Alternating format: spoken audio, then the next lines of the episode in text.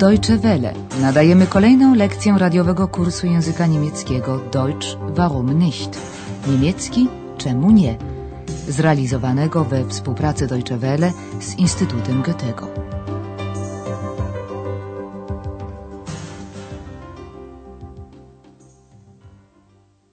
Dzień dobry drodzy słuchacze, nadajemy lekcję 23 trzeciej części kursu języka niemieckiego Deutsch warum nicht? Niemiecki czemu nie? Dzisiejsza lekcja nosi tytuł Słynna klinika Charité. Die berühmte Charité. W poprzedniej lekcji Andreas opisywał swoje wrażenia z placu Aleksandra. Proszę zwrócić uwagę na liczne przymiotniki użyte przez Andreasa. Heute war ich in Ostberlin, auf dem berühmten Alex. Schon von weitem sieht man den hohen Fernsehturm. 365 Meter ist er hoch. Der Alex ist ein großer Platz. Groß und kolossal. Hm, aber ziemlich leer. Es fahren keine Autos. Nur ein paar Fußgänger laufen herum. Dzisiaj dr Thürmann zamierza pokazać Andreasowi słynną berlińską klinikę z wielkimi tradycjami datującymi się jeszcze z XIX wieku. Skąd wzięła się jej nazwa Charité? Schau mal, da oben, die großen Buchstaben. Karite. Charité, Ex. Charité. Ja, das ist die berühmte Charité. Ein weltbekanntes Krankenhaus. Da habe ich auch mal gearbeitet. Warum heißt die Charité so? Das weiß ich auch nicht so genau. Ich kann das nur vermuten. Die Charité ist ja sehr alt. Schon fast 300 Jahre. Und damals, 1710, als man die Charité gründete, waren ja viele Franzosen in Berlin. Charité ist also französisch? Ja, Und was bedeutet das? Barmherzigkeit. Wie bitte? Hm, Mitleid haben. Den Kranken helfen. Kiedy nasi wycieczkowicze zbliżyli się do zabudowań szpitala, Ex pierwszy dostrzegł wielkie litery Buchstaben. Schau mal, da oben, die großen Buchstaben. Dr Thürmann wyjaśnia, że jest to właśnie ten słynny na cały świat szpital, w którym kiedyś sam pracował. Ja, das ist die berühmte Charité. Ein weltbekanntes Krankenhaus. Da habe ich auch mal gearbeitet. Andreasa interesuje pochodzenie nazwy szpitala. Warum heißt die Charité so?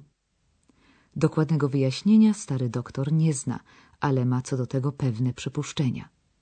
Das weiß ich auch nicht so genau. Ich kann das nur vermuten. Zaczyna od tego, że szpital jest bardzo stary, prawie trzystuletni. Die Charité ist ja sehr alt. Schon fast 300 Jahre. Ówcześnie, w 1710 roku, żyło w Berlinie wielu Francuzów.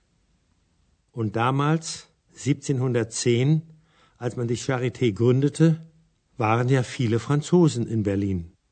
Teraz dopiero Ex pojmuje, że ta dziwna nazwa ma francuski źródłosłów. Charité ist also französisch? Andreas wyjaśnia, że po francusku znaczy to miłosierdzie, Barmherzigkeit. Und was bedeutet das? Barmherzigkeit. Andreas używa jeszcze kilku innych określeń, jak współczuć i pomagać chorym. Mitleid haben. Den Kranken helfen. Teraz dr Thürmann wyjaśni, czym szpital zdobył światową sławę. Używa przy tym wielu nowych dla państwa słów, ale o brzmieniu międzynarodowym, co będzie na pewno dla państwa dużym ułatwieniem w ich zrozumieniu. Dodamy jeszcze tylko, że Forschung to badania naukowe. Und warum ist die Charité so berühmt? Die Charité war ein weltbekanntes Forschungszentrum. Man hat schon sehr früh komplizierte Operationen gemacht. Aber nicht nur das, es gab eine freie Forschung. Sehr gute Ärzte haben hier gearbeitet und mehrere Nobelpreise erhalten. Aber jetzt sieht das alles ziemlich alt aus. Natürlich. In der Nazizeit mussten die jüdischen Ärzte gehen und später sind viele Ärzte in den Westen gegangen. Es gab moderne Geräte, eine gute Medizin, aber man forschte nicht mehr so viel. Und heute? Ich habe gehört, dass es eine Initiative von jungen Ärzten gibt. Sie wollen dieses traditionsreiche alte Haus wieder beleben. Ein neuer Geist in alten Mauern? Tja, so kann man das sagen. To niezbyt łatwy fragment, dlatego wyjaśniamy go dokładnie. Najpierw dr Thürmann wyjaśnia, że Charité było znanym na całym świecie centrum naukowo-badawczym. Die Charité war ein weltbekanntes Forschungszentrum. Już od dawna przeprowadzano tam skomplikowane operacje. Man hat schon sehr früh komplizierte Operationen gemacht. Prowadzono tam też niezależne badania naukowe. Aber nicht nur das. Es gab eine freie Forschung. Lekarzom pracującym tu wielokrotnie przyznawano nagrody Nobla, Nobelpreise. Sehr gute Ärzte haben hier gearbeitet und mehrere Nobelpreise erhalten. Andrea zauważa, że w porównaniu z latami świetności teraz wszystko wygląda staro, alt. Aber jetzt sieht das alles ziemlich alt aus. Spowodowało to wiele przyczyn, z czego doktor wymienia jedną. W okresie nazistowskim lekarze pochodzenia żydowskiego musieli odejść. In der Nazizeit mussten die jüdischen Ärzte gehen. Po wojnie, kiedy szpital znalazł się po wschodniej stronie, wielu lekarzy z kliniki wyjechało na zachód. Und später sind viele Ärzte in den Westen gegangen. W czasach enerdowskich wykorzystywano co prawda zaplecze techniki medycznej, ale nie prowadzono już badań naukowych. Es gab moderne Geräte, eine gute Medizin, aber man forschte nicht mehr so viel. Ostatnio po zjednoczeniu młodzi lekarze zawiązali inicjatywę na rzecz rozwoju szpitala. Und heute? Ich habe gehört, dass es eine Initiative von jungen Ärzten gibt. Chcą go znowu ożywić. Sie wollen dieses traditionsreiche alte Haus wieder beleben. Nowy duch w starych murach, podsumowuje Andreas. Ein neuer Geist in alten Mauern? Kiedy nasi bohaterowie snują dalsze rozważania na temat przyszłości Charité, my przechodzimy do gramatyki.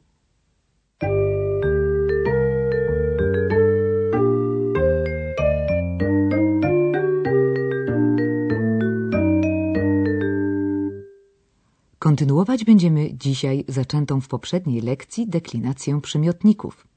Poprzednio omówiliśmy przymiotniki rodzaju męskiego, a dziś przechodzimy do przymiotników rodzaju żeńskiego i nijakiego.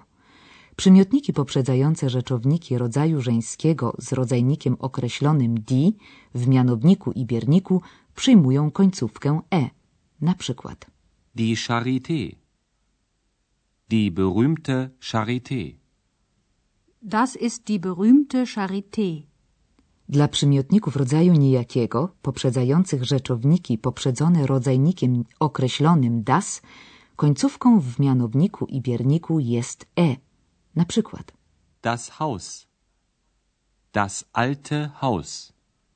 Sie wollen das alte Haus wieder beleben. Końcówkę przymiotnika określającego rzeczownik rodzaju żeńskiego poprzedzony rodzajnikiem nieokreślonym eine jest e. Oto przykład. Eine freie Forschung. Es gab eine freie Forschung. Dla przymiotnika określającego rzeczownik rodzaju nijakiego poprzedzony rodzajnikiem nieokreślonym ein końcówką jest s. Oto przykład. Ein weltbekanntes Forschungszentrum. Die Charité war ein weltbekanntes Forschungszentrum.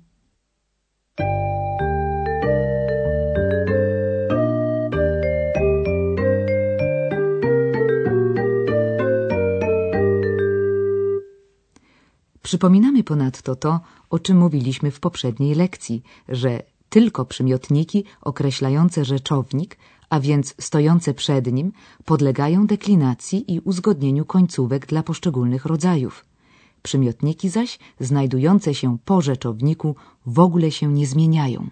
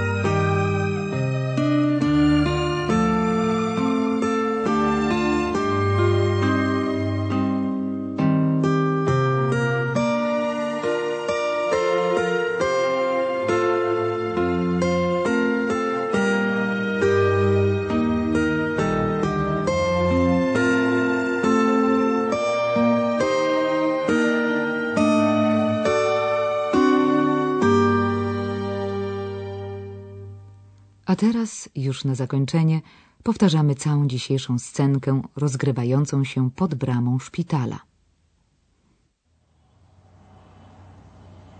Schau mal, da oben, die großen Buchstaben.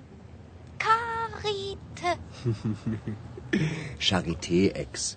Charité. Ja, das ist die berühmte Charité. Ein weltbekanntes Krankenhaus.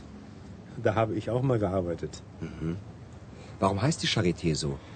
Das weiß ich auch nicht so genau. Ich kann das nur vermuten. Die Charité ist ja sehr alt. Schon fast 300 Jahre. Und damals, 1710, als man die Charité gründete, waren ja viele Franzosen in Berlin. Charité ist also französisch? Ja, Und was bedeutet das? Barmherzigkeit. Wie bitte? Mitleid haben. Den Kranken helfen. Teraz doktor Thurman przedstawia historię szpitala. Und warum ist die Charité so berühmt? Die Charité war ein weltbekanntes Forschungszentrum. Man hat schon sehr früh komplizierte Operationen gemacht. Aber nicht nur das. Es gab eine freie Forschung. Sehr gute Ärzte haben hier gearbeitet und mehrere Nobelpreise erhalten. Aber jetzt sieht das alles ziemlich alt aus. Natürlich. In der Nazizeit mussten die jüdischen Ärzte gehen und später sind viele Ärzte in den Westen gegangen. Es gab moderne Geräte, eine gute Medizin, aber man forschte nicht mehr so viel. Und heute? Ich habe gehört, dass es eine Initiative von jungen Ärzten gibt. Sie wollen dieses traditionsreiche alte Haus wieder beleben. Ein neuer Geist in alten Mauern? Tja, so kann man das sagen.